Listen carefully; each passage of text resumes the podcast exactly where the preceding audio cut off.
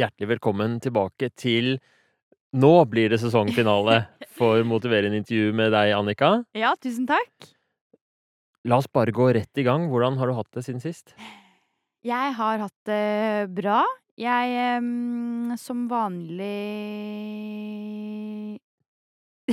sliter med å få gjort ting som jeg har eh, planlagt at jeg skal gjøre.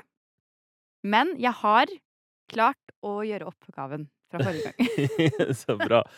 Ja, fordi det har vært sånn nesten hver gang, så har du fått en eller annen oppgave, eller du har satt deg et mål, eller den, den siste her var jo definitivt en oppgave du fikk, i motsetning til kanskje de andre, og også litt hva som er eh, Det var på en måte ytre motivasjon, da. Det gikk litt mot motiverende intervjus eh, prinsipper, men Jo, men samtidig så føler jeg at motiverende intervju intervjuets prinsipper er også noen ganger å gå utenom prinsippene, på en måte.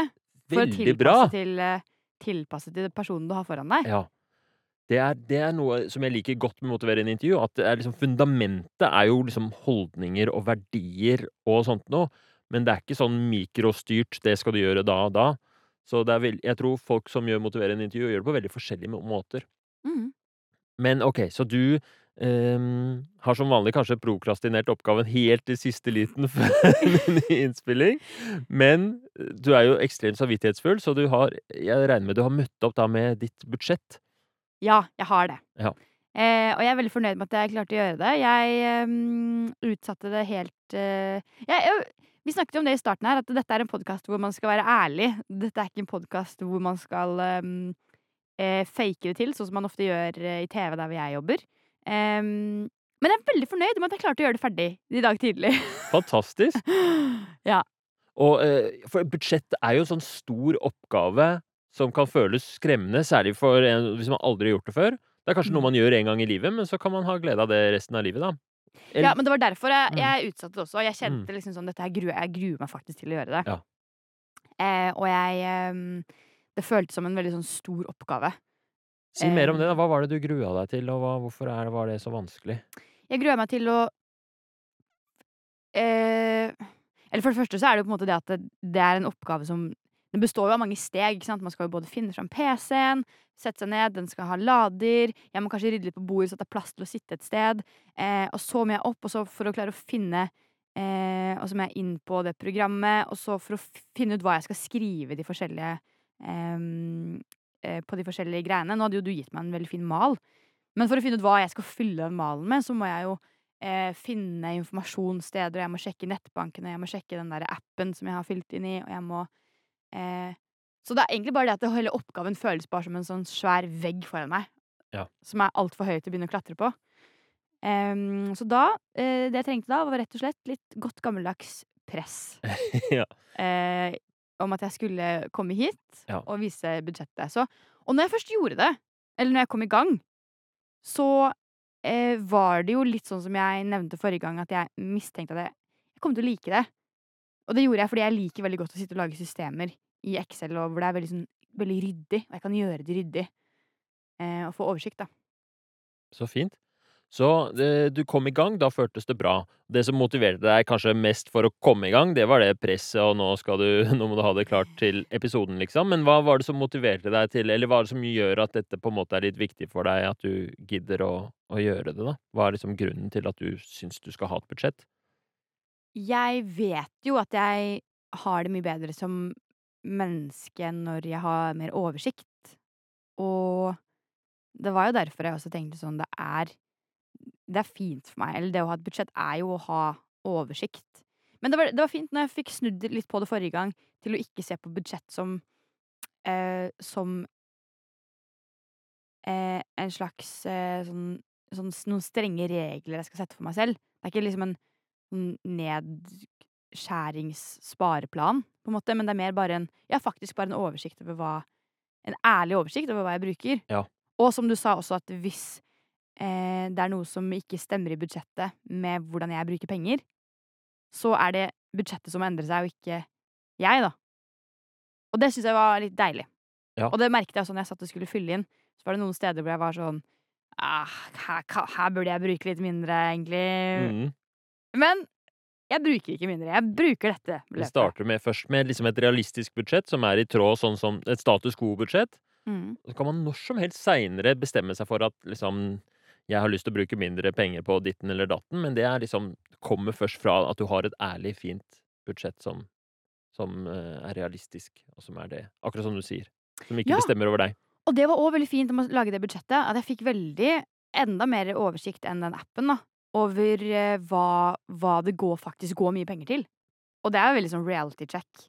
Ja. Eh, man får veldig sånn svart på hvitt. Eh, og så ser liksom sånn Shit! Jeg bruker så mye penger på dette, men dette er egentlig ikke så viktig for meg. Nemlig. Eh, så det var, eh, det var, veldig interessant å lage budsjett. Skal vi gå gjennom budsjettet, eller? Hva, La oss gjøre det. hva er høydepunktene? Hva er det du har eh, Hit me with the digits. Ok. Skal vi se. Skal Hvilket program har du brukt? jeg har brukt eh, regnearkfunksjonen til Google Docs. Nemlig. Google Regneark, Google Sheets. Mm. Ja. Det, Google Docs er jo bare helt nydelig, for det er gratis også. Fantastisk. Og det er jo bra for oss som skal spare litt penger. Du. Skal bare koble meg på mobilnettet mitt. Sånn at jeg Sånn. Eh, ja, OK, budsjett. Hvor skal man begynne, da?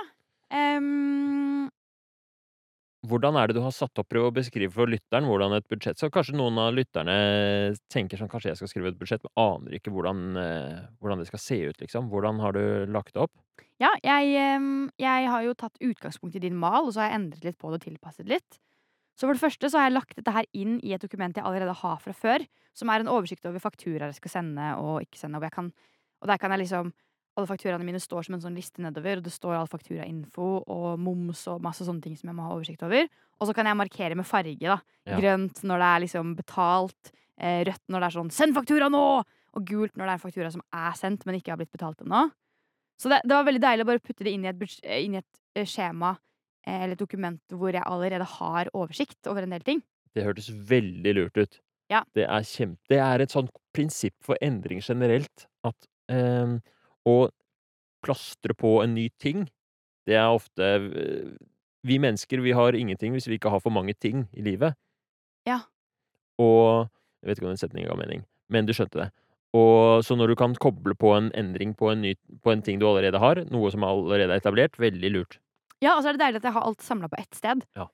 Um, ok, så det var det første. Og så har jeg da for det første laget et overskrift som er stor og tydelig, hvor det står budsjett, sånn at det er lett å finne fram. Um, som jeg også har uthevet. Uthevet skrift. Ærlig. og så eh, skrev jeg også øverst i budsjettet, sånn som jeg så du hadde skrevet i malen. Oppdatert oktober 23. Ah, lurt! Sånn at jeg skal huske at det er opp oppdatert, eller når jeg endret det sist. Herlig. Smart! det, det likte jeg at du hadde gjort. Mm. For det er fort å miste litt oversikt over sånn Herregud, når er det eh, Stemmer det her fortsatt, liksom? Eh, og så første, første punktet jeg har, er eh, nettolønn. Jeg måtte google forskjellen på netto og brutto, og da For det husker jeg aldri forskjell på. Ja, hva er, hva er nettolønn? Nettolønn, det er altså eh, Det er altså etter skatt og fradrag. Ja. Det er Ja. det du sitter igjen med. Det er det man, Det er det man får inn på kontoen. Og det er også litt fint, for at jeg forholder meg veldig ofte til bruttolønnen min. Er det jeg innså når jeg skrev dette budsjettet. Det, er jo, det er jo noe helt annet. Det betaler jo masse skatt. Ja. Så jeg må begynne å forholde meg til nettolønn.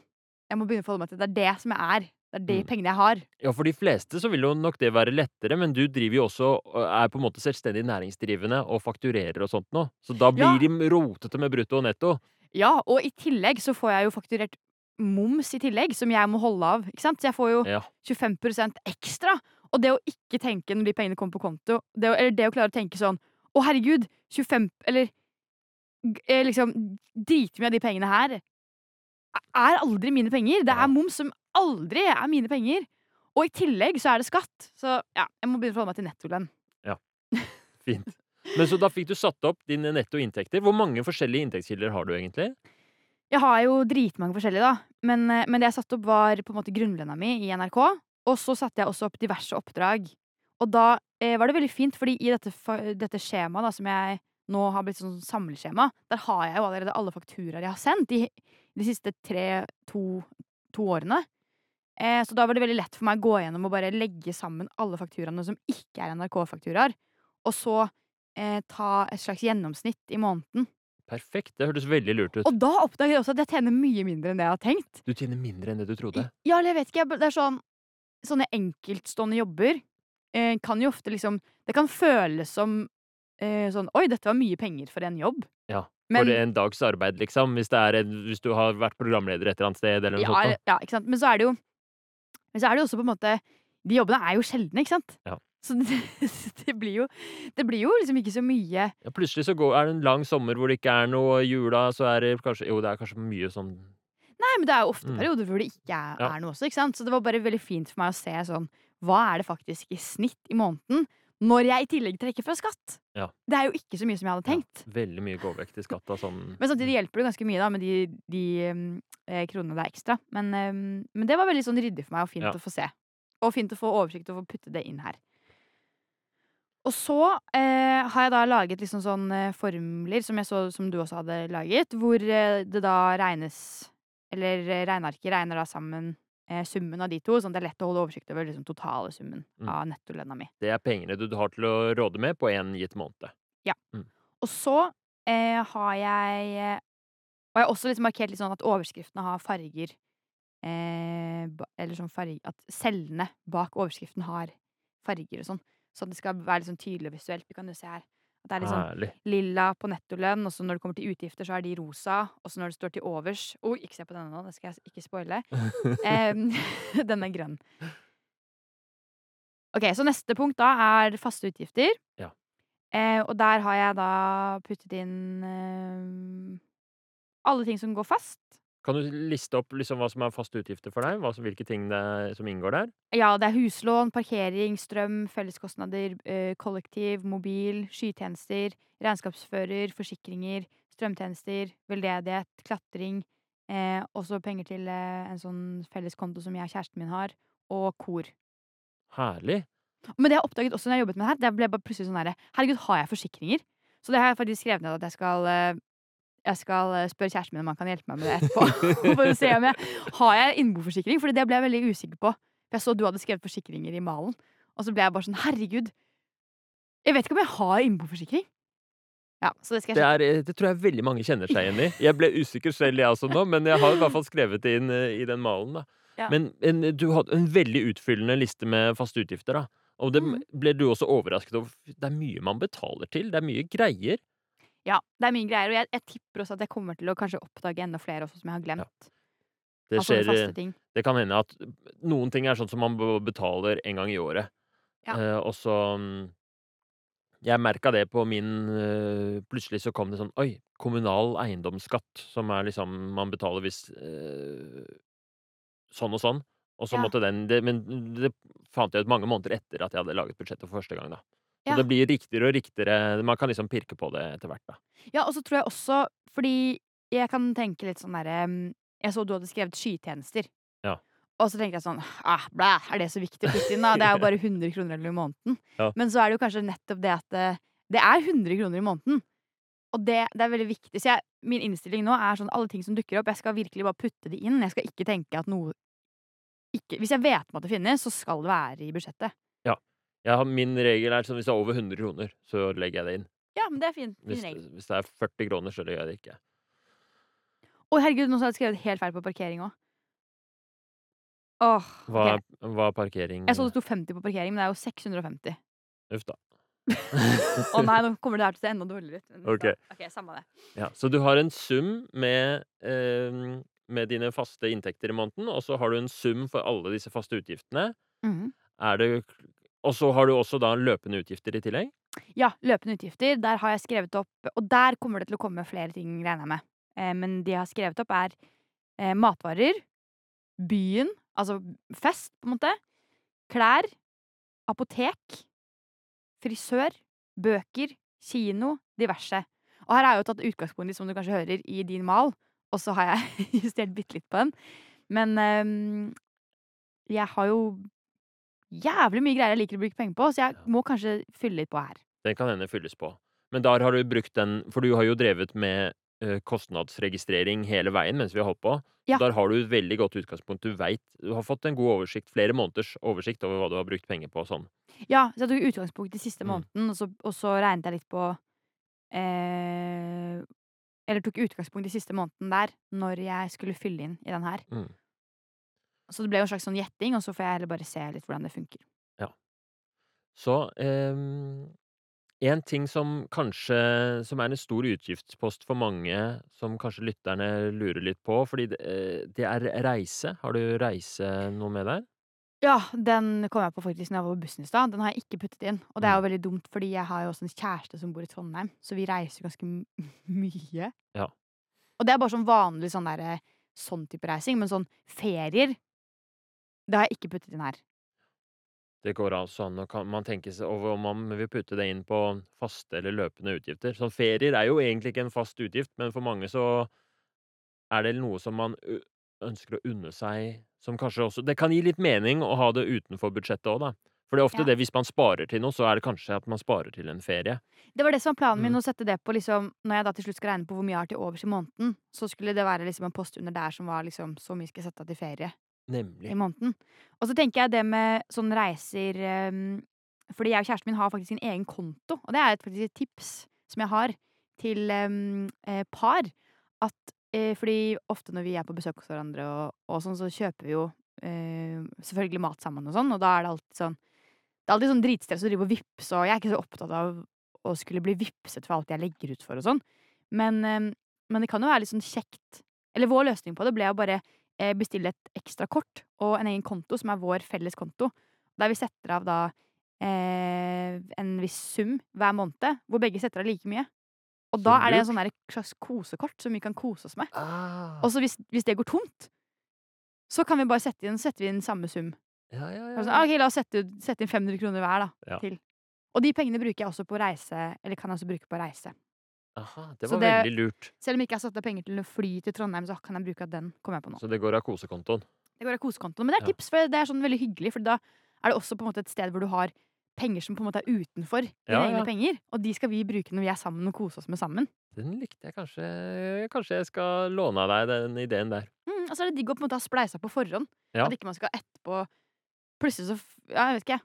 Hvis noen føler sånn at noen har brukt mer eller noen har brukt mindre, og har ikke vi følt så mye på det, men det er, det er bare veldig sånn ryddig og greit. Ja.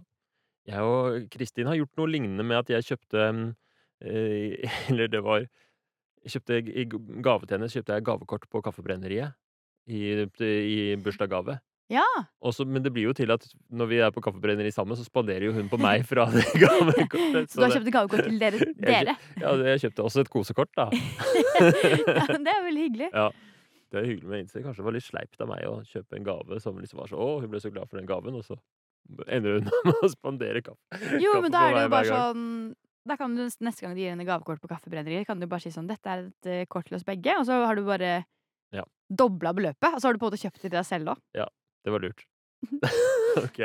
Skal vi se, høre noen tall her, da? Du har nå inntekter, og så har du dine utgifter som er fordelt på faste og løpende. Ja. Hvordan går det med økonomien din? Det går eh, Altså, det går jo unna, da. Det gjør det. Absolutt. Eh, så jeg har jo en, en sånn post her hvor det står 'til overs', parentes ferie. Og den har da, eh, med mine regnearkskills, har jeg da klart å legge sammen og trekke fra og liksom bruke som formler. Og da har den klart å regne ut hvor mye jeg har til overs etter at alle faste utgifter er trukket fra, og alle løpende utgifter er trukket fra. Og da er jeg på 940 kroner Oi! i minus. Oh! ja, men dette Dette er helt fantastisk. 940 kroner i minus etter alt. Uh, Men, og, men jeg syns Og, ja, og først eh, Man kan kanskje tenke sånn Å, herregud, det er så kjipt å lage et budsjett og ende opp med det. Men ja, jeg syns egentlig det var litt fint, jeg, fordi det er det jeg har å forholde meg til. Som jeg kanskje ikke har forholdt meg til. mm. Det er fordi det er den summen som du ikke ante hva var. Du, Ja. Da du kom første gangen, så var det sånn Jeg vet ikke, jeg har ikke oversikt. Kommer jeg i fengsel, egentlig? Ja. Og jeg tror ingen kommer i fengsel over å bruke, ha 940 kroner i minus i måneden. Nei, absolutt ikke. Um, så det var litt sånn fint å se. Og så vet jeg også, hvis jeg skal dra på en ferie, så blir det jo skikkelig minus og sånn. Um, men det var bare sånn greit å vite sånn dette er virkeligheten jeg har å forholde meg til.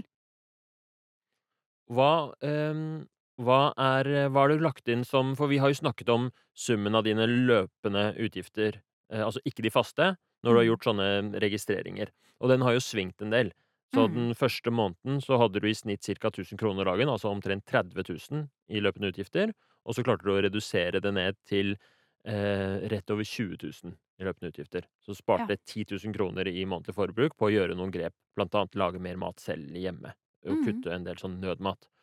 Em, hva har du lagt inn som summen på løpende utgifter nå i budsjettet? 13 500. Så du går for en enda en Hva blir det i I daglig forbruk så blir det litt over 400 kroner i, i, om dagen. Ja, ikke sant. Så det er kanskje ikke helt Jeg har heller ikke lagt inn Foodora her, Nei. men det har jeg jo nesten sluttet med. Ja. Men jeg burde kanskje legge inn sånn én Foodora i måneden. Altså, det er ganske interessant når du sier da 13 000 i måneden. Det er sånn cirka akkurat det som er et vanlig sånn standardisert budsjett. Det som eh, den derre Er det Oslo OsloMet, tror jeg, som lager den derre utregningen? Ja. For en i din alder. Så for kvinne 20 til 25, eller hva det Husker ikke helt tallene, så er det rundt 400 kroner dagen. Og Ja. så For at du skal komme dit til det, så, så krever det nok at du endrer litt enda litt flere ting. For det er for hvert fall eh, Vil nok føles for deg litt stramt, da. Med tanke på at det, det du var vant til, i hvert fall før du begynte her, var 1000 kroner. Nesten over det dobbelte. Mm. F- eh, Hvis du bruker eh, 13 500 dagen, det tror jeg er 450. Ja, kroner. Ja, 13 500 i måneden. Ja, Mm. 450 kroner dagen. Det er veldig tydelig for meg sånn Det, det er det jeg tenker mest på når jeg ser på de løpende utgiftene. Når jeg ser på hva Eller når jeg har tatt utgangspunkt i hva jeg har brukt via den appen, eh, så ser jeg liksom Det er jo noen ting her som som ikke vil koste meg så mye eh, energi på en måte å kutte ned på. Og det, den største her er liksom byen. Jeg, var en del ute den siste måneden. Og det er bare sånn Jeg er jo ikke Jeg er veldig god på å drikke lite. Så det koster meg veldig lite å kutte ned på alkoholen jeg er ute. Og bytte ut liksom noen Bytte ut en drink med en Solo. Ja. Det koster meg ingenting. Hvor mye Sånn koster sånn en energi. drink? eh? Koster sånn Det koster helt sykt mye. Koster sånn 140 kroner, liksom. Ja. Og en Solo koster hva da? 40 kroner? Det er ikke gratis, det heller, men, Ja, men da har du spart men det, gjør, jeg, det gjør Mm. ikke meg Jeg vil ikke ja, det, oppleve det som noe tap, egentlig. Jeg vil ha Ja. det like fint ute på byen. Jeg vil ha, Ja. være litt mindre dårlig dagen etter. Jeg får veldig Mm. mye migrene og sånn. Eh, og jeg vil ha det like gøy sammen med folk, være like sosial. Selv om jeg drikker en Solo. Så ja, ikke sant. De 100 kronene her er lett for deg å spare inn. Mm. Og, eh, mens andre hundringser kan være veldig viktige. Mm. Mm. Eller kjøpe en Grandis og ha i fryseren. Sånn at jeg ikke eh, Sånn at jeg har det. Ja, ikke sant? Da blir det det en 50 ikke er nødt- kroners nødmat istedenfor en 350 kroners Fodora-nødmat. Nettopp. Og det har jeg jo fra jeg testa det tidligere når jeg skulle kjøpe Toro istedenfor eh, Foodora. At det også koster meg veldig lite Eller jeg taper ikke mye glede og positivitet i livet mitt ved å bytte, gjøre det byttet. Nei, terskelen der var vel det at du Det var en eller annen sånn derre idé eh, om at du syntes det var litt flaut. Og, eller det å kjøpe Toro ferdigmat føltes eh, Du hadde noen sånne tanker om det som kanskje ikke var så rasjonelle, men som satt litt. Om at sånn, ah, det, skal man ikke man skal jo, Det er jo bedre å lage hjemmelaget mat, så da kjøper Ja. jeg heller ingenting. Og så endte det med Fodora likevel, liksom. Ja, det er sant. Det føles veldig feil å stacke opp med ferdigmat. Mm. Men, eh, men det var faktisk litt fint, og jeg burde egentlig stacke opp med litt ferdigmat og ha det i fryseren. Um, så jeg ser, jeg ser jo liksom Jeg ser jo noen ting her som, som ikke vil være så vanskelig for meg å endre på. Så er det klart det er noen ting her som vil være vanskeligere for meg. Det å skulle liksom eh, plutselig vet ikke jeg, handle mindre, eller begynne å ukeshandle. Og være sånn dritflink på å lage sånn derre Lage opp masse mat og sånn. Det, kom, det vil være mye vanskeligere for meg å, å endre meg på sånn, liksom. Mm. Eh, så det, det har også vært fint å få litt oversikt over. Kjempebra. Ja, jeg syns, jeg syns du har gjort en veldig god jobb med å, å sette opp det budsjettet, og jeg syns det gir veldig mening. Og så sitter du igjen da med at eh, du forventer da litt sånn innstramminger på løpende utgifter, og du er litt i minus eh, månedlig. Men det tenker Mm. jeg er veldig rimelig. Fordi du er jo eh, Hvor gammel er du? Du er 20 24. 24. Så du er ung og selvstendig næringsdrivende. Og det vil jo være litt annerledes fra folk som er um, Som har kun inntekt fra en fast jobb. Så når du er selvstendig næringsdrivende, så det er litt som å være gründer, ikke sant? Og da Mm. er det jo forventa at du har lavere inntekt i starten, og så vil den bygge på seg etter hvert. Så du har eh, Det er veldig bra på en måte at du allerede er såpass godt innafor budsjettet ditt at det er mye Det er samme som en en student ville jo tatt lån for å for å I denne perioden hvor du investerer i karrieren din, på en måte. Mm. Og så har du i tillegg nylig kjøpt deg leilighet, som jo er Mm. eh, ganske mye utgifter forbundet med. Og akkurat nå for tiden så er det jo dyrt å leve. Matvarepriser har gått i været, strømkostnader har vært eh, dyre i det siste, og eh, renta er høyere enn det var for noen år siden. Mm. Så det er eh, Jeg, jeg syns det høres veldig bra ut at du klarer å, å holde deg innafor budsjettet. Men det viser jo Mm. også at det er nødvendig, da.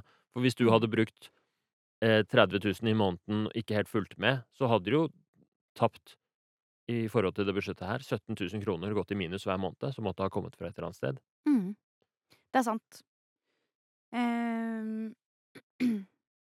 ja, det er veldig sant. Og så er det jo òg Ja, nei. Mm. Hva, hva sitter du igjen med nå, da, etter å ha lagd budsjettet? Hva, mm, hva slags det noen, Får du noen tanker, eller hva, hvordan føles det? Det føles veldig bra. Jeg syns det er så deilig å ha oversikt og ha det eh, også så visuelt som jeg kan ha, lage det her. Jeg kan gjøre det så ryddig og oversiktlig som jeg vil, sånn at jeg at det, Ja. Du hadde jo gjort det mye penere enn malen. Ja, det vil jeg si. Ja. Og jeg har bare så vidt begynt hjemme. ja, men jeg, jeg, jeg koser meg veldig med å sitte og gjøre det ryddig og, og få, få hele dette skjemaet til å se fint ut. Og um, jeg syns det har vært veldig gøy. Det er veldig deilig å ha oversikt, rett og slett. Mm. Hvis du Hvis vi tar um, Fordi nå har du vært gjennom Vi har spilt inn flere episoder. Skal vi ta og gå igjennom og bare oppsummere den reisen du har vært på, da? Hva er det Ja. som har skjedd? Fordi det startet jo med at uh, før vi spilte inn første episode nå, så hadde vi en prat hvor du hadde øh, var ganske stressa over økonomien og hadde hatt en sånn derre ah, 'Jeg må prøve, jeg må gjøre noe', og så hadde du prøvd å sette noen sånne strenge regler for deg selv, og så hadde du gått i vasken. Kan du ta oss med liksom på hvordan var situasjonen da, og hva er er eh, Hva er det du har fått ut av disse samtalene? Jeg hadde jo veldig lite oversikt når eh, vi startet dette Eller vi hadde første samtale, og var veldig sånn stressa og følte liksom at eh, det var veldig Jeg hadde en veldig sånn sterk følelse av at jeg ikke går i pluss, men jeg vet ikke hvor mye jeg går i minus, og jeg vet ikke om jeg går så mye i minus at jeg eh, kommer i fengsel. Eh, Var du virkelig sånn Den derre Den der med å komme i fengsel og sånt nå, kan du det, For det høres jo litt rart ut at man er redd for å komme i fengsel, men var du virkelig redd for Eller var du eh, Hva var den følelsen, liksom?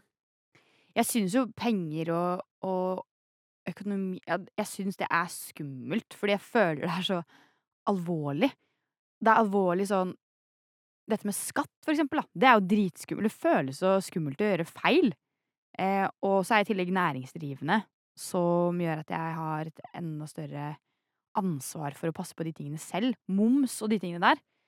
Um, og og det er jo viktig å betale skatt. Det er jo straffbart å ikke gjøre det, liksom. Og du får jo Det vil jo innhente deg, på en måte. Man vil få skattesmell, det vil bli oppdaget, liksom. Ja. Men også jeg har vært redd for at det skulle skje at eh, jeg plutselig fant ut at jeg ikke har betalt, eller ikke har nok til å betale det jeg skal, og så får jeg Og så får det store konsekvenser, og så klarer jeg ikke å ta de konsekvensene, og så i Så er det jo bare sånn i ytterste konsekvens, så vil man jo havne i fengsel. Mm. Men det er bare det er jo langt dit, da. Men, Ja. Men, Men du var liksom du, du satt der i en situasjon og visste ikke hvor mye som gikk inn og ut, og du veit at du har disse store regningene som du må betale, som er momsregning og skatteregning, mm. og hele, hele greia var stressende for deg. Ja, og det med liksom penger som kommer inn på konto, at det også At jeg mister helt sånn der følelsen av hva de pengene betyr. Ikke sant? Og det ser jeg jo nå. Jeg hadde jo null peiling på liksom Jeg kunne se en sum og tenke sånn Wow, det er en svær sum! Jeg har masse penger!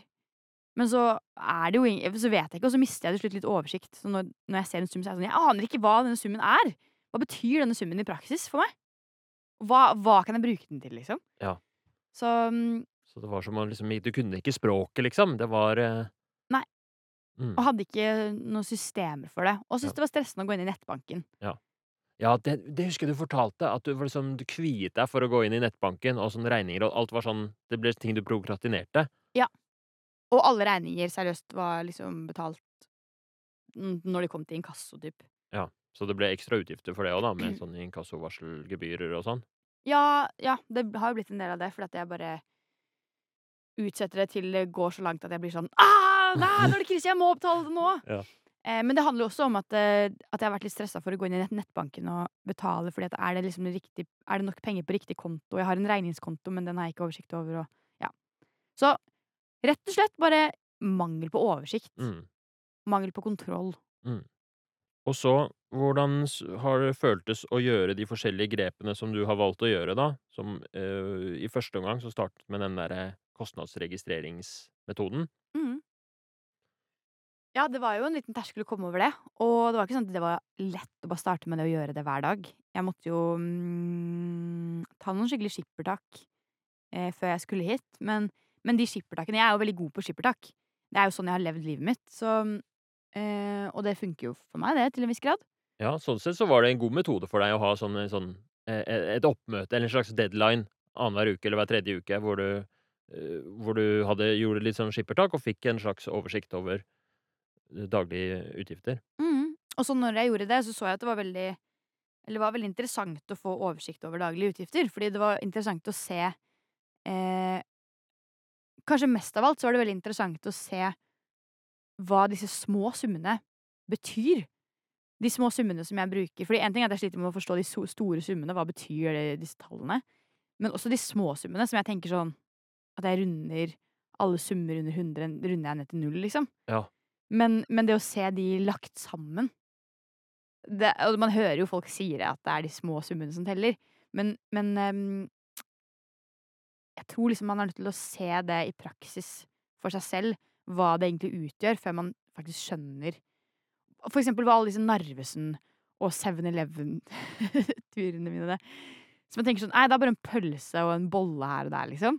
Eller en liten tyggis eller en brus. Det er jo ingenting, liksom. Men så er det dritmye Ja. når du legger det sammen. Og de tingene er jo ikke viktige for meg i livet. Nei. Så det var veldig, ja, veldig fint. Den tyggisen Ja. Det er veldig spennende hvordan plutselig tyggis, eh, kan bli en stor månedlig utgift, liksom. Mm. Så det var eh, det var nyttig for deg å få den derre oversikten, få liksom bli bevisst på de små summene, og Mhm. få det inn som en Selv om det var litt sånn skippertak, så ble det jo en en vane også etter hvert, du så du holdt jo det gående hele veien. Ja. Senest i stad på bussen så skrev jeg den for siste måneden. Herlig. Og det som var interessant som skjedde også i løpet av prosjektet her, var at du, eh, fikk en slags sånn giv av å opplevdes det i hvert fall som meg, av å å å få den derre oversikten over de løpende utgiftene ved kostnadsregistreringen. Så gjorde du noen tiltak som som ikke bare adresserte økonomien, men som adresserte andre ting i livet ditt òg, da. Mm. Eh, hvor du fordi du endret på noen med matvaner, og det gjorde at det ble endring på liksom hvordan du forholdt deg til det sosiale. Mm. Eh, og hvordan du forholdt deg til å invitere folk hjem, og og da ble det lettere for deg å rydde hjemme og sånt Nå Vil du si litt mer om hvordan det var, den derre på en måte Nesten som en digresjon, eller nesten som en sånn eh, eh, Prosjektet fikk liksom konsekvenser på andre områder også? Ja, det var jo det at vi kom inn på Eller jeg innså det at ehm, eh, jeg bruker mye penger, unødvendige penger på mat, fordi at jeg ikke har spist nok når jeg drar ut hjemmefra og sånn. Og at jeg er hjemme sulten og, og bestiller Foodora. Eh, og så tenkte jeg da må jeg jo begynne å lage mer mat hjemme. Eller jeg fikk en sånn gnist, egentlig, da, til å lage mat hjemme, også fordi at jeg har nytt kjøkken. Eh, og så innså jeg det at det, det her henger jo så sinnssykt sammen, fordi for at jeg skal kunne lage mat hjemme og kose meg med det, da, så må jeg ha det ryddig hjemme. Og det er jo problemet for meg å ha det ryddig hjemme.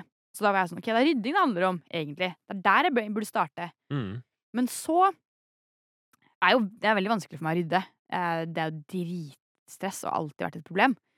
Em, men så innså jeg det at jeg må være mer sosial. Det er det det handler om, egentlig. Fordi hvis jeg er sosial, da blir jeg gladere. Så da får jeg eh, en sånn positiv eh, grunn til å skulle em, holde det ryddig, da. For jeg syns det er hyggelig å invitere folk hjem. og jeg syns det er hyggelig å lage mat når jeg kan lage mat til andre sammen med andre, spise med andre. Em, og, eh, og jeg innså også litt det derre at jeg ofte kan, eh, hvis jeg ikke passer på, at jeg liksom eh, er bevisst på hvor mye jeg er sammen med folk, og hvor mye liksom, input jeg får fra verden rundt. Hvis ikke jeg passer på det, så blir jeg ofte sittende mye alene. Og når jeg blir sittende alene, så blir det rotete.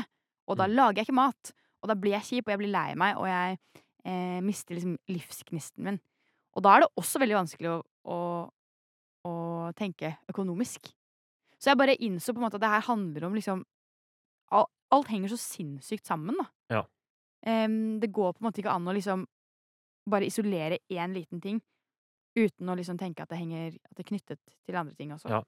Din, økonomi, din økonomiske tilværelse er en tråd som er liksom helt flettet inn i flettverket som er ditt liv, liksom. Mm, og jeg fant ut også da Hvis jeg skal tenke sånn Ok, hvor skal jeg starte, da? Midt oppi den derre røra her.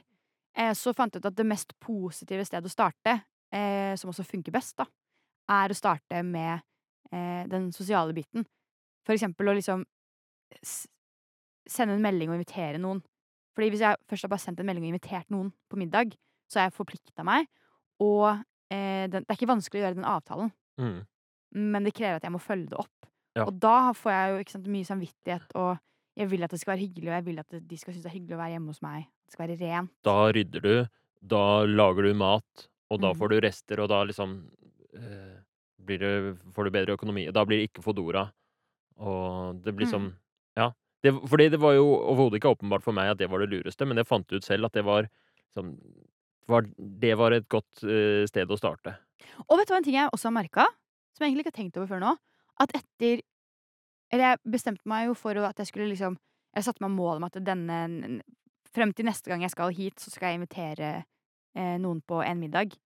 Men det jeg egentlig har merka, er at det, Jeg vet ikke om det er etter at jeg gjorde det, men det tror jeg egentlig at det er. Så er det faktisk flere av mine venninner i liksom den lille venninnegjengen min som også har invitert på middag. Og Det er blitt liksom sånn Jeg føler at folk har gjort det mer, nesten som at det har smitta litt. Ja. Så jeg har også spist middag hos venninner, og de har invitert på kveldsmat. Invitert Så jeg føler egentlig, og jeg tror egentlig det er etter at jeg startet med det. Ja, at du satte i gang en liten trend i gjengen, liksom. Mm. Som at istedenfor at man spiser Fodora hjemme hos seg selv i fosterstilling eh, hver for seg, mm. så lager man middag. Det høres veldig hyggelig ut, da. Det er veldig hyggelig. Jeg tror det er en sånn ting som eh, Jeg tror det er en sånn ting som smitter litt, liksom. Man må bare minne hverandre på at liksom Hallo, jeg er her, liksom. Ja. Vi er venner, og vi, det er hyggelig å gjøre ting sammen. Ja, og jeg, jeg tror nesten det, det kan jo nesten ikke skje at hvis man blir invitert på middag, og får en middag av noen, så får man jo veldig lyst til å invitere de tilbake. Det Ja, ikke jo- sant? Mm. Så det er, eh, det er jo kjempepositivt. Det er er nesten det også rart å komme på middag og si sånn takk, ja, da, dette var veldig godt, men da, vi setter streken der. ja. Og så er det jo eh, Da er det jo sånn noen ganger så lager man middag, og det er hyggelig, og så andre ganger så kommer man på middag, Ja. og noen har laget mat til deg, Å, det er så fantastisk. Det er jo helt nydelig. Mm. Så det har vært et veldig sånn fint sted å starte, fordi der starter det på en måte med en gulrot, ikke med en pisk. Mm. Og det mm, er nok eh, en en forutsetning for at jeg skal klare å liksom være motivert over tid, da. Ja. At ikke jeg gjør det fordi jeg føler jeg må, men fordi jeg har lyst. Ja, indre motivasjon. Nydelig. Mm. Så ja, nei, det, jeg syns dette var kjempe, mm, kjempespennende å følge. Så avslutta det nå med da eh, Vi skulle egentlig avslutte forrige gang, men litt fordi tematikken var økonomi, så føltes det ut som dette budsjettet var en sånn elefant i rommet som vi kanskje burde ha med på festen. Ja. Og eh, så gjorde du Hvordan føltes det som avslutning for deg? Jeg, jeg, eh, jeg er veldig glad for at du tok opp det forrige gang. Eh, og jeg er veldig glad for at du gikk litt imot eh, motiverende intervjuprinsippene, og at du eh, dytta meg litt i en eh, retning. Fordi at jeg følte Det er jo veldig sant det der at vi, vi, vi starta med økonomi, og så tok vi liksom en lang liksom detour, og så, og så var det fint å ende opp tilbake med liksom budsjett, som har vært en ting jeg har kvia meg veldig for å gjøre. Og jeg har prøvd på det tidligere, men, men eh, gjort, gjort en del kanskje av de klassiske feilene man ofte gjør når man lager budsjett. da. Eh, så det har vært veldig fint å få, lage, eller få litt hjelp til å lage et budsjett, eller starte å lage et budsjett nå, som er litt mer em, litt mer eh, realistisk, rett og Mm. Og det gjør jo at jeg sitter og liksom har oversikt faktisk over hva jeg bruker, sånn cirka. Og at jeg har oversikt over hvor mye jeg er i minus. Det er veldig deilig. Det er liksom ikke noe stress å være i minus når man har det svart på hvitt. Eller sånn, det er jo ikke bra å være i minus, men, men jeg tenker sånn, det kan løse seg. Og jeg er ung, og jeg er ressurssterk, og jeg, jeg har det helt fint. Jeg er født i Norge. Jeg kommer til å klare meg, og jeg skal ikke klage over det. Em, men det er bare veldig fint å ha oversikt over det, og ha det visuelt. Det I et ark hvor jeg har nå mange ting samlet. fantastisk. Mm. Nei, det syns jeg høres veldig bra ut. Hvor, til slutt, liksom, hvordan ser du for deg at ehm, nå framover Nå blir det ikke mer eh, oppfølging. Nå er det liksom Nå er det tilbake til helt vanlig liv. Hva, mm. hva Hvordan kommer det til å, framtiden til å se ut? Eh, jeg tror, hvis jeg skal være veldig realistisk, så tror jeg at det kommer til å eh, være som en berg-og-dal-bane. Jeg tror det kommer til å gå veldig opp og ned. Og så tror jeg at jeg skal ehm, det, er veldig fint at jeg har veldig sånn klart for meg liksom, hva er den ene tingen det er viktigst at jeg husker på å gjøre. Og det er å invitere folk hjem eh, til meg. Og spise middag eller å ta en kaffe. Mm. Det kommer til å være den store viktigste. forskjellen på Annika før og Annika etter. Ja. Det er at eh, hvis du har én endring du skal gjøre, så er det at nå er du en, en som inviterer til middag. Og Ja, for den vet jeg. Ja. Den vet at jeg, at jeg kan klare å gjøre. Fordi Mm. den, den er hyggelig. Og det, Ja. jeg har så mange grunner til å skulle gjøre det. Mm. Og den, med en gang jeg gjør det, så får det automatisk noen gode ringvirkninger. Ja. Og så, eh, når det kommer til liksom budsjett og det å registrere utgifter og sånn, så vet jeg at det, det kommer til å være null sjanse til at jeg fra og med i dag bare fortsetter å gjøre det jevnt og trutt fremover. Em, så jeg kommer nok så Selv om jeg prøver, så kommer jeg nok til å liksom glemme det litt.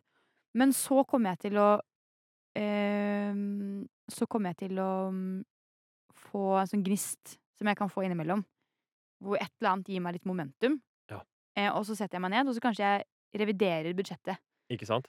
Nå har du det der. Du veit hvilket dokument er inne, og så står det nå oppdatert oktober, og så kanskje kommer det et halvt år seinere, så er det Blir du redd for å komme i fengsel igjen, eller et eller annet, Mm. og så har du det klart. Da er det bare å inn og oppdatere tallene, og kanskje eh, tar man en uke eller to med kostnadsregistrering da, for å se litt sånn Få oversikt over de løpene, og så um, står du på et helt annet fundament Og det som også er fint, fordi jeg har jo Nå kommer jeg ikke til å ha deg som på en måte gir meg Eller som jeg føler samvittighet overfor. Men jeg har regnskapsføreren min, og hun skal jeg levere bilag eller sånn regnskapsting Ja. til. Eh, nå er det vel halv, en gang i halvåret eller et eller annet. Og det er fælt. Jeg har ghosta regnskapsføreren min siden sommerferien. Eh, og hun spurte meg sommerferien om jeg kunne sende de greiene, og så var jeg sånn Ja, det skal jeg få gjort. Og så har jeg, så har jeg virkelig glemt det, og så har hun sendt meg på nytt og på nytt. Så den, den Og hun Så nå, en eller annen dag nå, så kommer jeg til å måtte sette meg ned og faktisk bare gå gjennom regnskapet. Og jeg vet at når jeg gjør det Jeg gruer meg skikkelig til å gjøre det. Men når jeg først kommer i gang med det, og begynner å liksom skrive ned hvis jeg gjør det sånn skikkelig, så kommer jeg til å bli helt obsessed. Og så når jeg er ferdig med regnskapet, så kommer jeg til å være sånn Æh, Er det mer jeg kan få oversikt over, eller?! og da, da Det er jo en fin anledning til å ta liksom ekstra runde på økonomien. Ja. Budsjettet. Ja, For nå har du jo basically i samme regneark, til og med. Jeg har det. Så det er veldig, veldig fint at jeg, jeg Jeg kommer til å ha henne som regnskapsfører, altså. Som en sånn press. Altså et press som gir meg en grunn til å gjøre sånne skippertak. Ja, hun er en del av liksom dine, ditt system, Ja. som bidrar til at dette ser veldig lovende ut. Mm. Herlig. Jeg vil avslutte med å si tusen takk for at du har vært med, gjort en kjempeinnsats, kriga deg gjennom og delt av deg selv og virkelig vært sånn utforskende. Så jeg håper du har fått noe ut av det. Jeg veit at lytterne har syntes dette var spennende å høre på. Jeg håper det. Det er jo veldig sånn Økonomi er jo veldig sånn øhm, individuelt, og folk har jo veldig ulike livssituasjoner, og man har ulike Ja, det er så mye faktorer som, som kan være veldig annerledes, da. Men jeg håper jo likevel at liksom en del av de grunnleggende tingene Eller sånn at det er noe man kan kjenne seg igjen i eh, likevel, da. Det tror jeg definitivt. Og jeg syns det har vært veldig inspirerende, og at du kommer hver gang og har eh, klart målene som regel veldig bra, og eh, har så mye spennende ideer, og har tatt styringa også. Det der med at du eh, tok det videre til at det ikke bare handla om det økonomiske lenger, men det handla om det sosiale, handla om mat, kosthold, og vi var inne på prosessert mat og og hadde ryddig hjemme og alt sånt, det var veldig spennende. Mm. Tusen takk for, eh, alt sammen, og så ønsker jeg lytterne en, fin dag videre. Og jeg må også si takk til deg, Herman, for at jeg har fått lov til å være med. Dette har vært veldig, eh, veldig nytt sånn ekte nyttig og lærerikt. Og det har også vært veldig interessant å se, siden jeg har hørt deg snakke om motiverende intervju før, så har det vært veldig interessant å få kjenne motiverende intervju på egen kropp. Ja. Eller kjenne faktisk hvordan det virker, da. Eh, det har vært veldig, veldig kult. Og jeg syns du også har gjort en veldig god jobb med å guide meg gjennom dette. Tusen takk.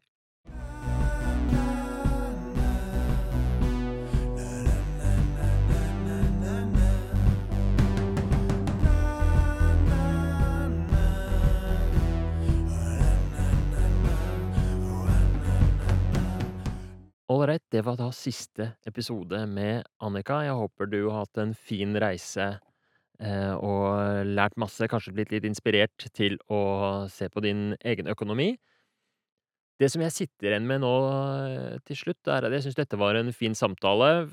Veldig bra jobb som Annika hadde gjort med å sette opp et budsjett, og det var spennende å se hvordan alt, eh, hang sammen. Men det jeg sitter igjen med, er den derre eh, hvordan endringsprosessen skjer, eh, og alle de interessante tingene som skjer når man setter i gang med en liten endring. Et av de grunnprinsippene i motiverende intervju, eller en av de det som man kaller prosessene i et motiverende intervju, det er det at man um, fokuserer på noe for å få til en endring. Uh, og det er jo det vi har gjort nå, ikke sant. Eh, det det startet jo med at Annika hadde en sånn derre følelse av jeg må gjøre noe med økonomien, som førte til at vi fokuserte på det og gjorde en sånn helt konkret endring som kanskje eh, ikke var altoppslukende, men det var å få til den derre ehm, eh, Starta med å få til den der kostnadsregistreringen. Og det som jeg syns så ofte skjer, som er liksom når jeg sitter igjen med, at ved å fokusere på én liten endring så å å få til den skikkelig, gjøre den litt grundig, tok vi brukte mange uker og frem og tilbake på å få til den der kostnadsregistreringen. Hadde flere samtaler før vi kom i gang med det, og nådde et mål.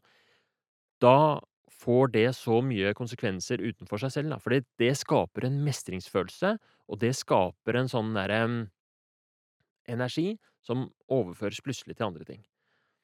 Og så ser man da at konsekvensene ble jo større enn bare økonomien. Det ble veldig sånn en helhetlig endring for Annika, sånn som hun fortalte. At det handlet om mye mer. Det handlet plutselig om kosthold og matlaging og å ha det ryddig hjemme og det sosiale. Så eh, den, den derre eh, prinsippet der at Altså, jeg veit ikke hva slags situasjon du har i ditt liv, det er du som hører på. Men hvis det er sånn at du ønsker å gjøre en endring, kanskje ønsker du å gjøre masse endringer, kanskje det er masse du vil eh, liksom forandre i livet ditt, ikke undervurder effekten av å bare ta en liten ting, kanskje det som er lettest og mest lavthengende, og så konsentrer deg mer enn du tenker det egentlig er nødvendig, på den ene lille tingen, og gjør den tingen skikkelig. Hvis du får til det, så vil det liksom bære frukter langt utenfor det som egentlig er den tingens domene.